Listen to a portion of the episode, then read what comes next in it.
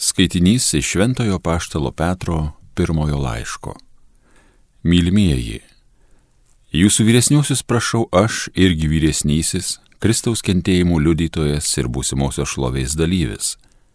Ganykite jums patikėtą Dievo kaimenę, ne iš prievartos, bet su noru, kaip Dievui patinka. Ne dėl bjauraus pelno, bet gera valia, ne kaip viešpataujantys jums pavestiesiems, bet tapę pavyzdžių kaimeniai. Kai pasirodys vyriausiasis ganytojas, jūs gausite nevystantį garbės vainiką.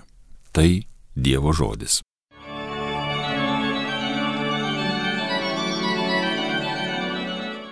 Mane viešpats gano, man nieko nestinga. Mane viešpats gano, man nieko nestinga. Jis mane veda, kur vešlios ganyklos žaliuoja, leidžia man atilisėti paversmy, manąją sielą gaivina, veda mane teisingais takais savo garbiai. Mane viešpats gano, man nieko nestinga. Nekeliaudamas lėnių tamsiausiu, aš nebijosiu, nes tu draugė būsi. Tavo lasda, vėzdas galingas, drąsą man duoda. Mane viešpats gano, man nieko nestinga. Tu man keli vaišės, o priešai sugėdinti žiūri, kvepalais man patepi galvą, pili man sklidina taurę. Mane viešpats gano, man nieko nestinga. Tavoji malonė ir meilė palydė kiekvieną mano gyvenimo dieną. Aš viešpaties būstė gyvensiu per amžius ilgiausius. Mane viešpats gano, man nieko nestinga. Garbėtau Kristau, amžinasis žodį. Tu esi Petras uola, ant tos uolos aš pastatysiu savo bažnyčią ir pragaro vartai jos nenugalės. Garbėtau Kristau, amžinasis žodį. Pasiklausykite Šventojios Evangelijos pagal Matą. Atėjęs į Pilypo Cezarėjos apylinkės Jėzus paklausė mokinius, kuo žmonės laiko žmogaus sūnų. Jie atsakė vieni Jonu Krikštytoju, kiti Elyju, kiti Jeremiju ar dar kuriuo iš pranašų. Jis vėl paklausė, o kuo jūs mane laikote?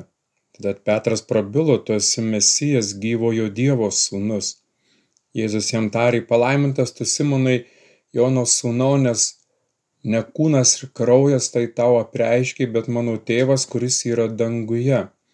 Ir aš tau sakau, tu esi Petras suola, ant tos suolos aš pastatysiu savo bažnyčią ir pragaro vartai jos nenugalės. Paduosiu dangaus karalystės raktus, ką tu suriši žemėje bus surišta ir danguje, ir ką atriši žemėje bus atrišta ir danguje. Girdėjote viešpaties žodį.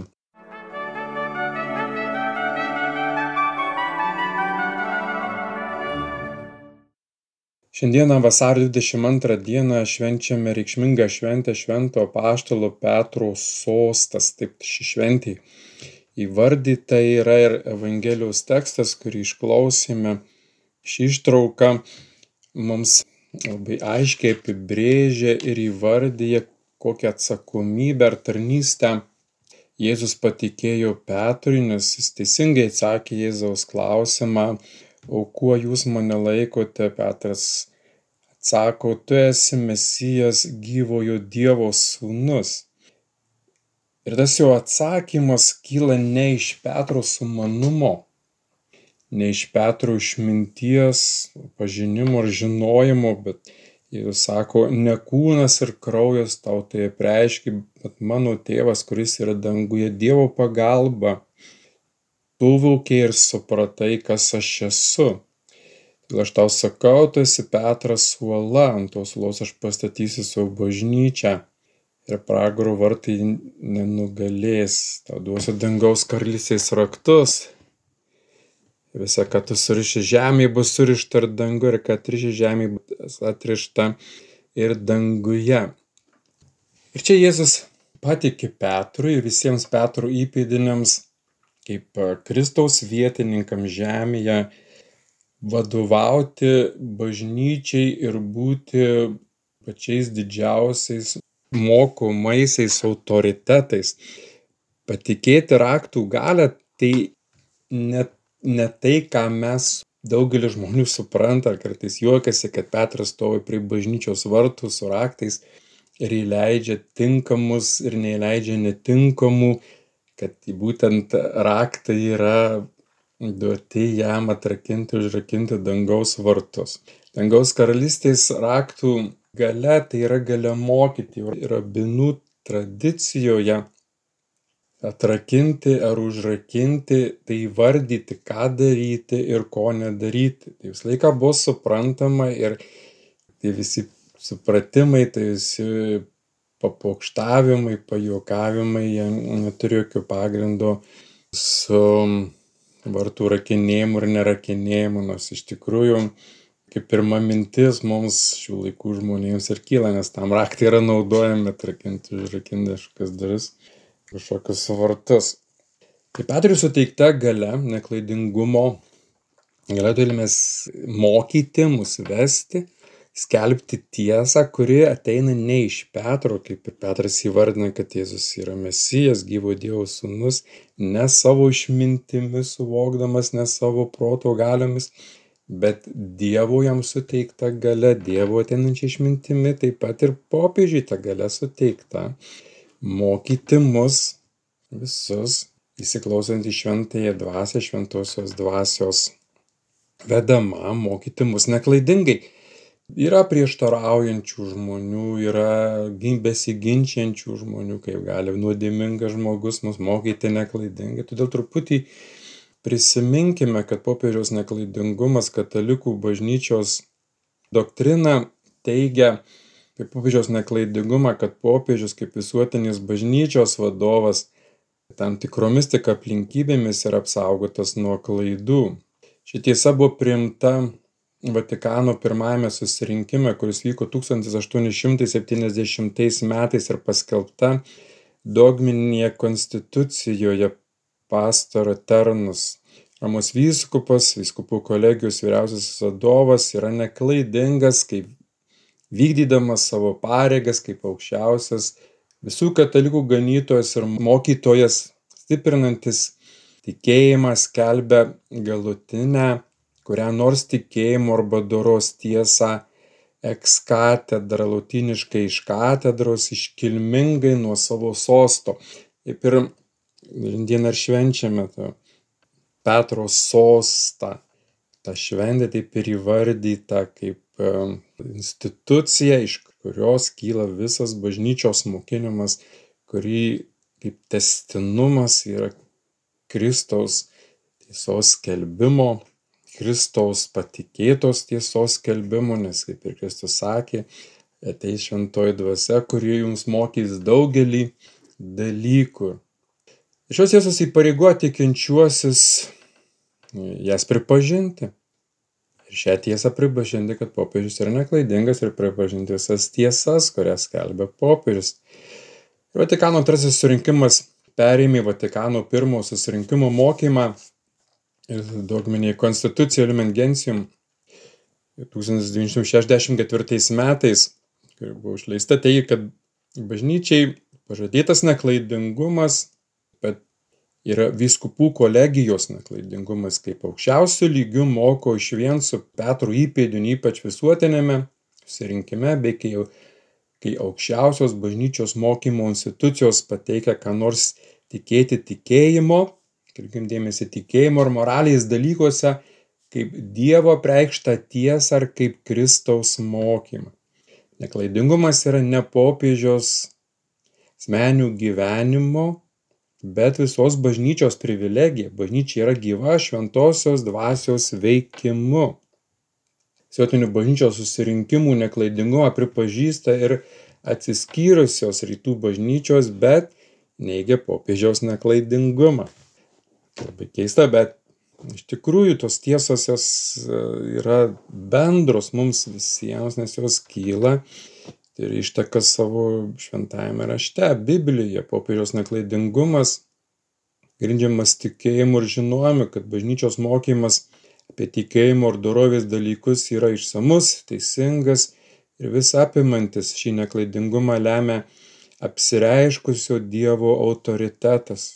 kiekvieno tarpininko tarp Dievo ir žmogaus, pranašo, paštalo, vyskupo, teologų, pagrindinis tikslas yra padėti pažinti Dievą. Teologija, teikdama, kad tikėjimo aktas yra nulemtas proto, parodo, jog tikintieji turi pasitikėti tuo, kas jiems skelbiama, nes tai yra neklystama tiesa. Biblijoje apie Dievą kalbama kaip apie patikimą ir neklystantį viešpatį.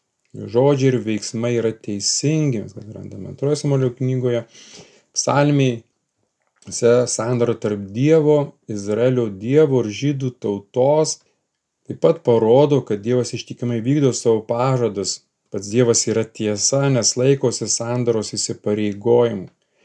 Tęsime taip pat ir Naujame testamente, ką mes ir šiandieną išklausėme Evangelijos ištraukų. Jėzus Kristus yra Dievo tiesa žmogui ir pasaulyje. Jis pats yra garantija to, ką sako. Tai lemia Evangelijos teisingumą. Vėliau šį neklaidingumą perėmė į bažnyčią ir pritaikė jos vadovai popiežių ir viskupų kolegijai. Taip pat pirmame iški Timotiejų bažnyčia irgi kalbama, kad bažnyčia yra tiesos pagrindas.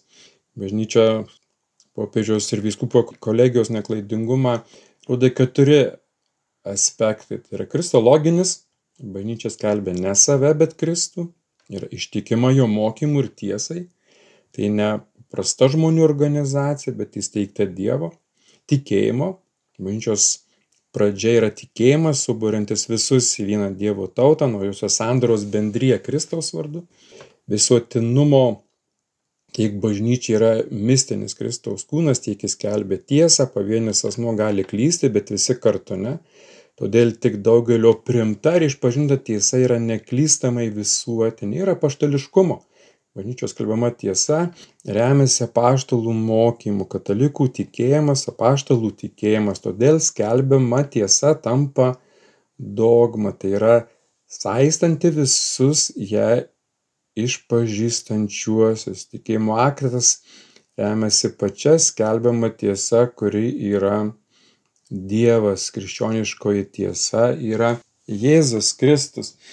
Be abejo, kils žmonėm ir kyla įvairiausių diskusijų, Bertinio popiežiaus kai kurie pasisakymai. Nemanau, kad dėl to verta nerimauti, kad popiežius daro kažkokias neteisingus pareiškimus ir klaidas. Tai nėra kažkoks oficialus tas neklystantis mokymas. Tiesiog popiežius, kai žmogus ir sako vienas ar kitais klausimais savo nuomonę. Ir ne, ne mes atsakome už popiežio klaidas, tuo labiau, kad mes tikrai visko nežinome. Mums kartais nepatinka, bet tai nereiškia, kad tai yra netiesa, nes tiesa niekada nepatinka niekam, todėl kad tiesa įpareigoja priimti moralinius sprendimus. Tiesa yra toks dalykas, kuris laiką prieštrauja nuodėmingai žmogaus prigimčiai ir pasipriešinimus laiką bus mums visą laiką norisi girdėti tik patogias tiesas, nepatogių tiesų mes nenorime girdėti ir todėl tas priešiškumas, nusistatymas prieš popiežiaus neklaidingumą ar popiežiaus kažkokias nuogas ir tokias reiškia mintis nebūtinai absoliučiai teisingas, Bet nepasiduokime abejonių, nesvelim kažkokius ginčius ir diskusijas. E, iš tikrųjų, tik Dievas gali viską tikrai įvertinti, tuo labiau, kad ir Kristus buvo apkaltintas kaip klaidintojo žmonių ir melagis, na, skelbi tiesą, pačią tikriausią iš Dievo tiesą, Kristus tikrai nebuvo, niekada neklydo, todėl būkime santūrus ir nulankus taip galbūt mums neaišku ir nesuprantama bet nepasiduokime kažkokiom kritikom priešiškumams nusistatymams geriau melskimės ir džiaukimės ir dėkokime Dievui už apaštalų sostą nes jisai mus labiau vienyje negu skaldo nes tose bažnyčiose nėra to vieningo mokymo kurį mums paliko Kristus per Petrą ir jo įpėdinius. Amen.